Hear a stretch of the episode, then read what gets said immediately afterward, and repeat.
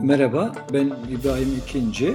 Kısa Dalga'nın podcast yayını Marjinal Fayda'dayız.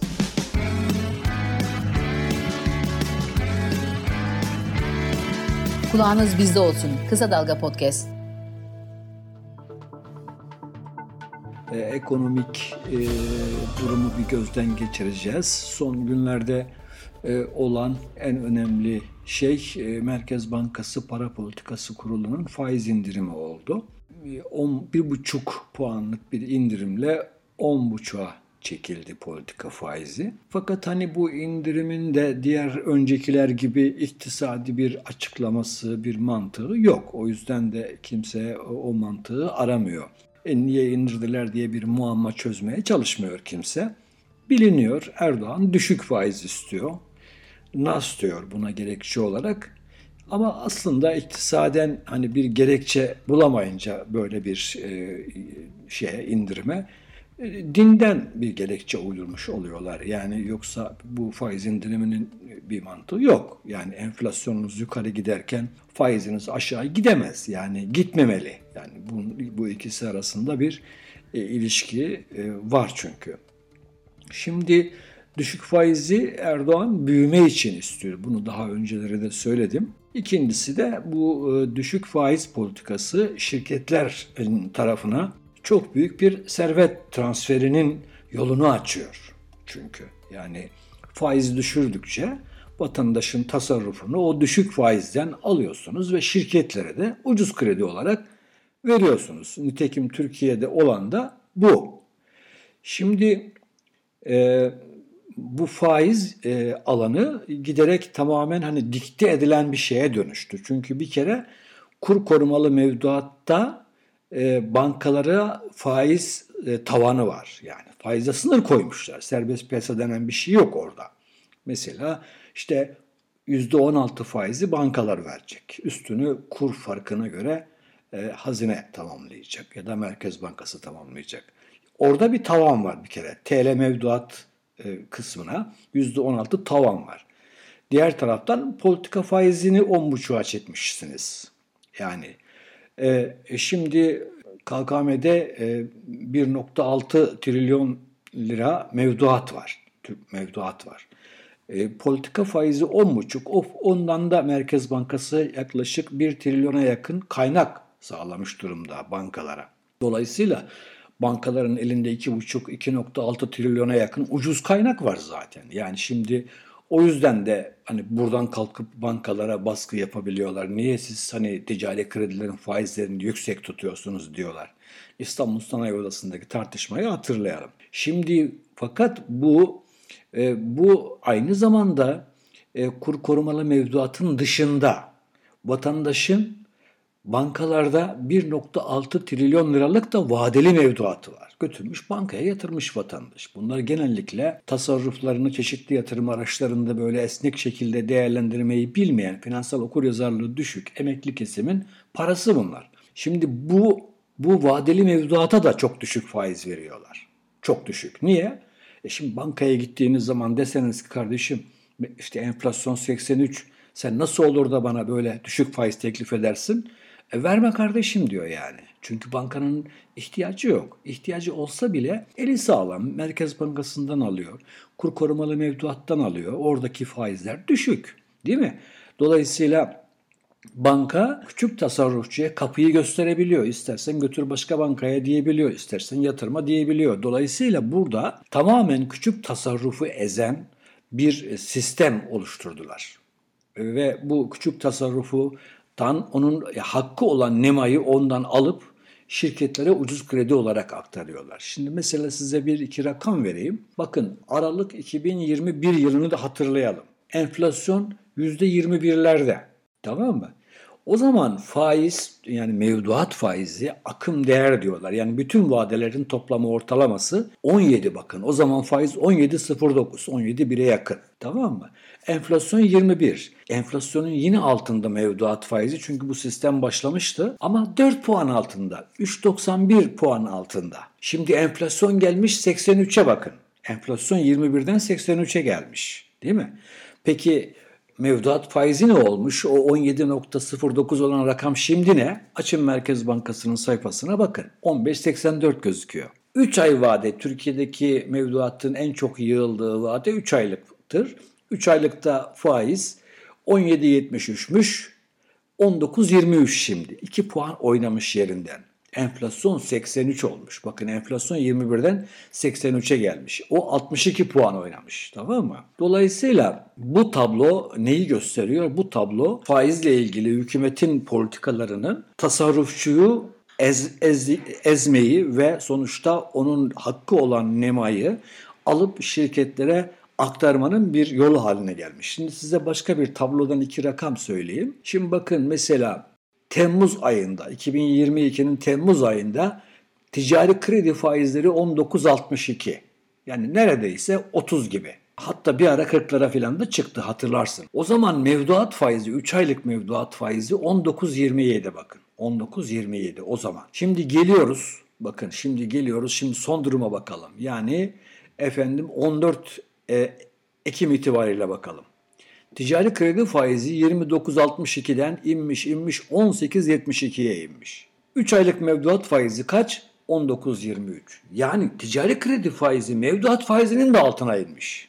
Düşünebiliyor musunuz? Ticari kredi faizi mevduat faizinin de altına inmiş. Peki ticari kredi faizi 18.72'den nasıl verilebilir? Verilebilir çünkü demin söylediğim gibi Merkez Bankası'ndan 10.5'tan para bulabiliyorsunuz. Kur koru mevduatta tavan var 16. Dolayısıyla 18.72'ye verdiğiniz zaman birkaç puan kazanıyorsunuz. Yani maliyetlerinize çıksanız bile birkaç puan kar edebiliyorsunuz.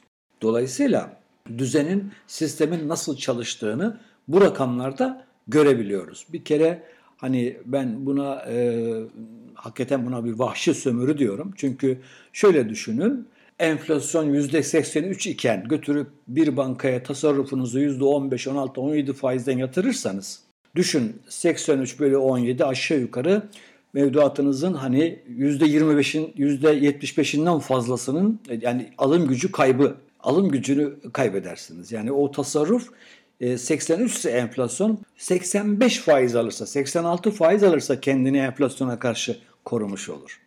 Şimdi enflasyona karşı korumadığı gibi çok büyük kayıp yaratıyor. O yüzden hani e, e, sistem yani yeni ekonomi modeli denen sistem e, hakikaten çok vahşi bir sömürüye dayanıyor.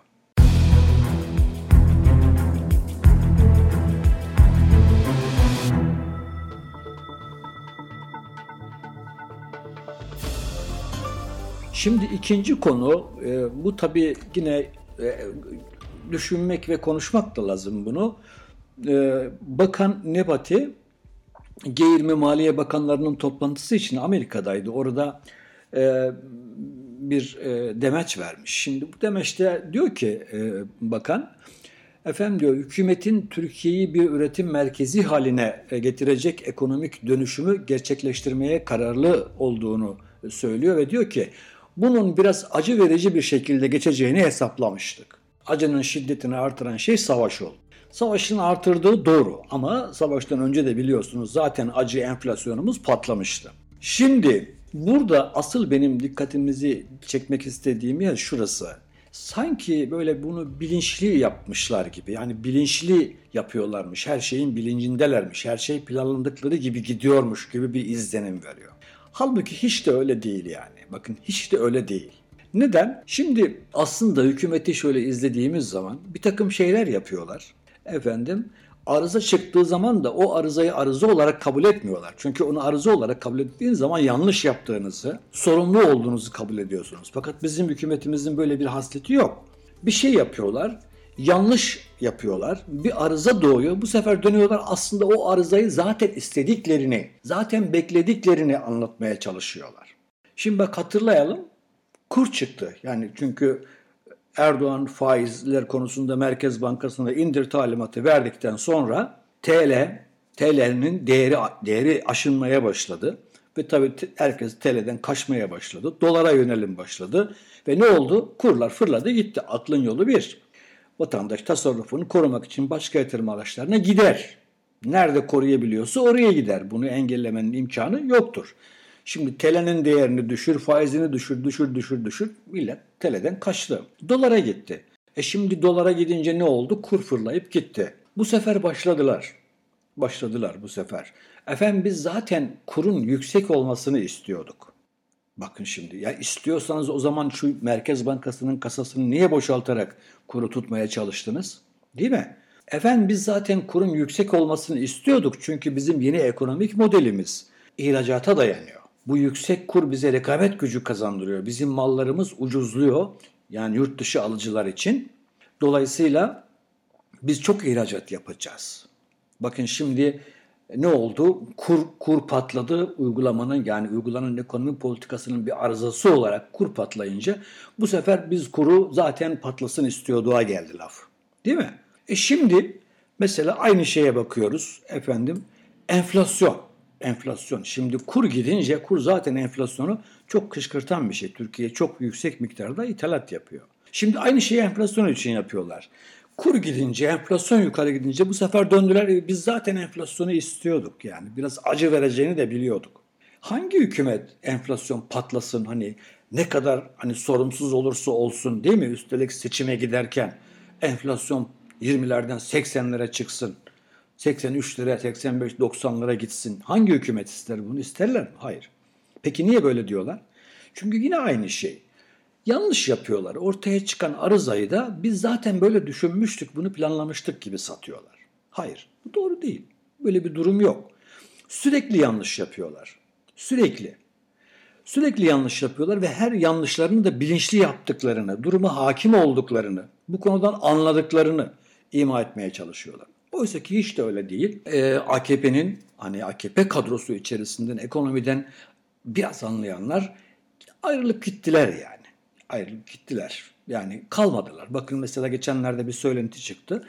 Mehmet Şimşek'i getirecekler diye tekrar eski bakan. Ben o zaman da öyle düşünmüştüm. Gelmez demiştim. Niye gelmez? E çünkü kimse artık Erdoğan'la çalışamaz. Erdoğan siyasetteki tek adam rejimini ekonomide de kuruyor çünkü. Kendi sözünden çıkacak veya ekonominin ihtiyaçlarına göre hareket edecek. O, o bağımsızlığa, o özelliğe sahip bir bakan istemez. Yapamaz onunla. Öyle bir durum yok. Dolayısıyla olmadı. Ve e, bu e, olmayınca da bu mevcut kadrolarla yarattıkları bütün arızaları da bize politika diye anlatmaya çalışıyorlar. Ama belirttiğim gibi öyle değil.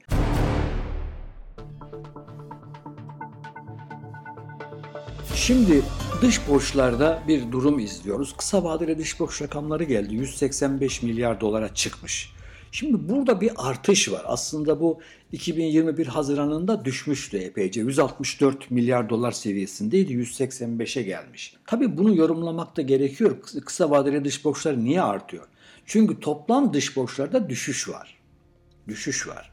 Bakın orada rakamları almıştım yanıma. 450 2021 Temmuz'unda 452 milyar dolarmış. Evet. 444'e düşmüş. Bakın orada 8 milyar dolarlık bir azalma olmuş. Çünkü kur gidince yine aklın yolu bil. Borçlu şirketler ne yapıyorlar? Bir an önce döviz buldukça borçlarını ödeyip kapatıyorlar. Kur riski almak istemiyorlar. O yüzden düşüyor.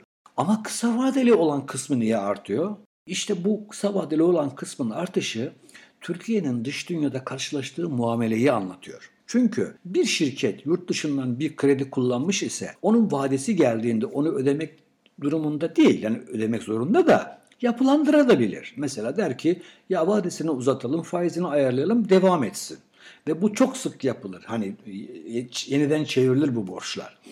Muhtemelen bu kısa vadeli dış borçlardaki artış işte bu çevirme zorluğundan geliyor.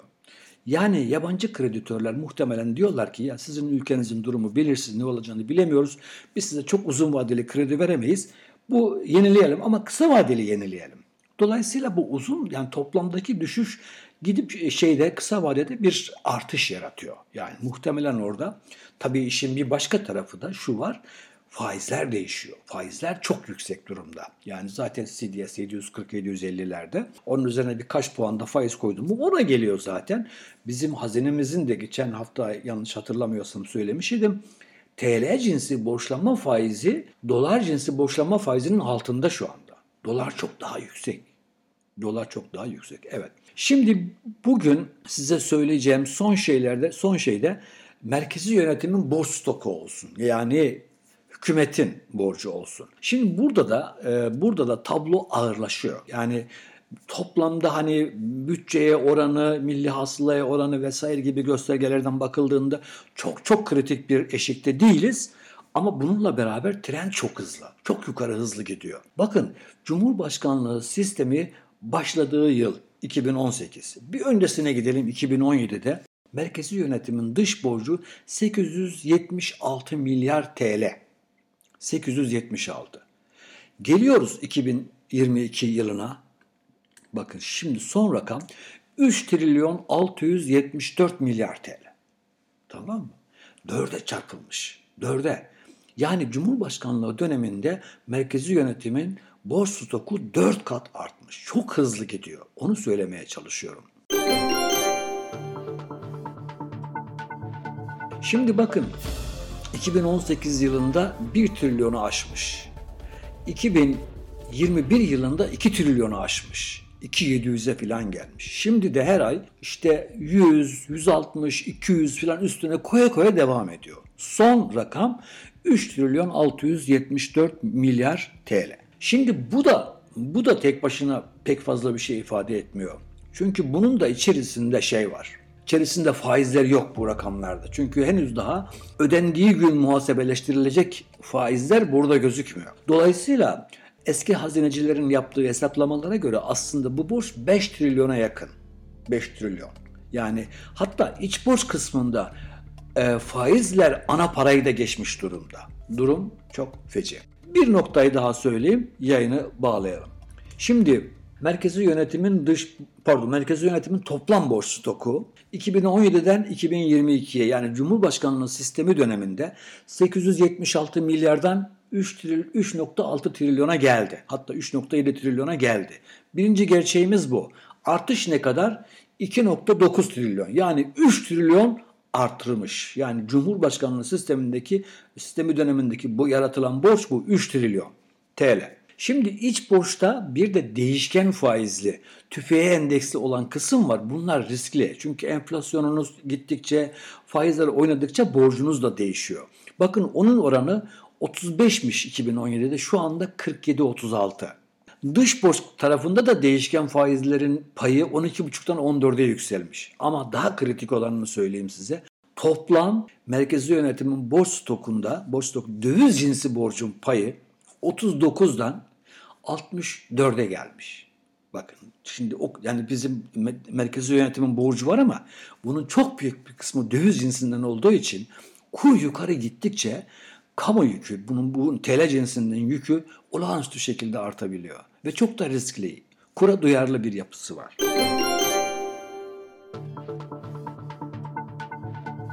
Evet. Yani tabii istenirdi ki hani borç toplamda çok çok çok çok büyük görünmese dahi bu değişken faizli, tüfeğe endeksli, dövize endeksli yapılarından dolayı büyük bir kırılganlık oluşturduğunu söyleyebiliriz. Bu haftalık bu kadar. Kendinize iyi bakın. Görüşmek üzere.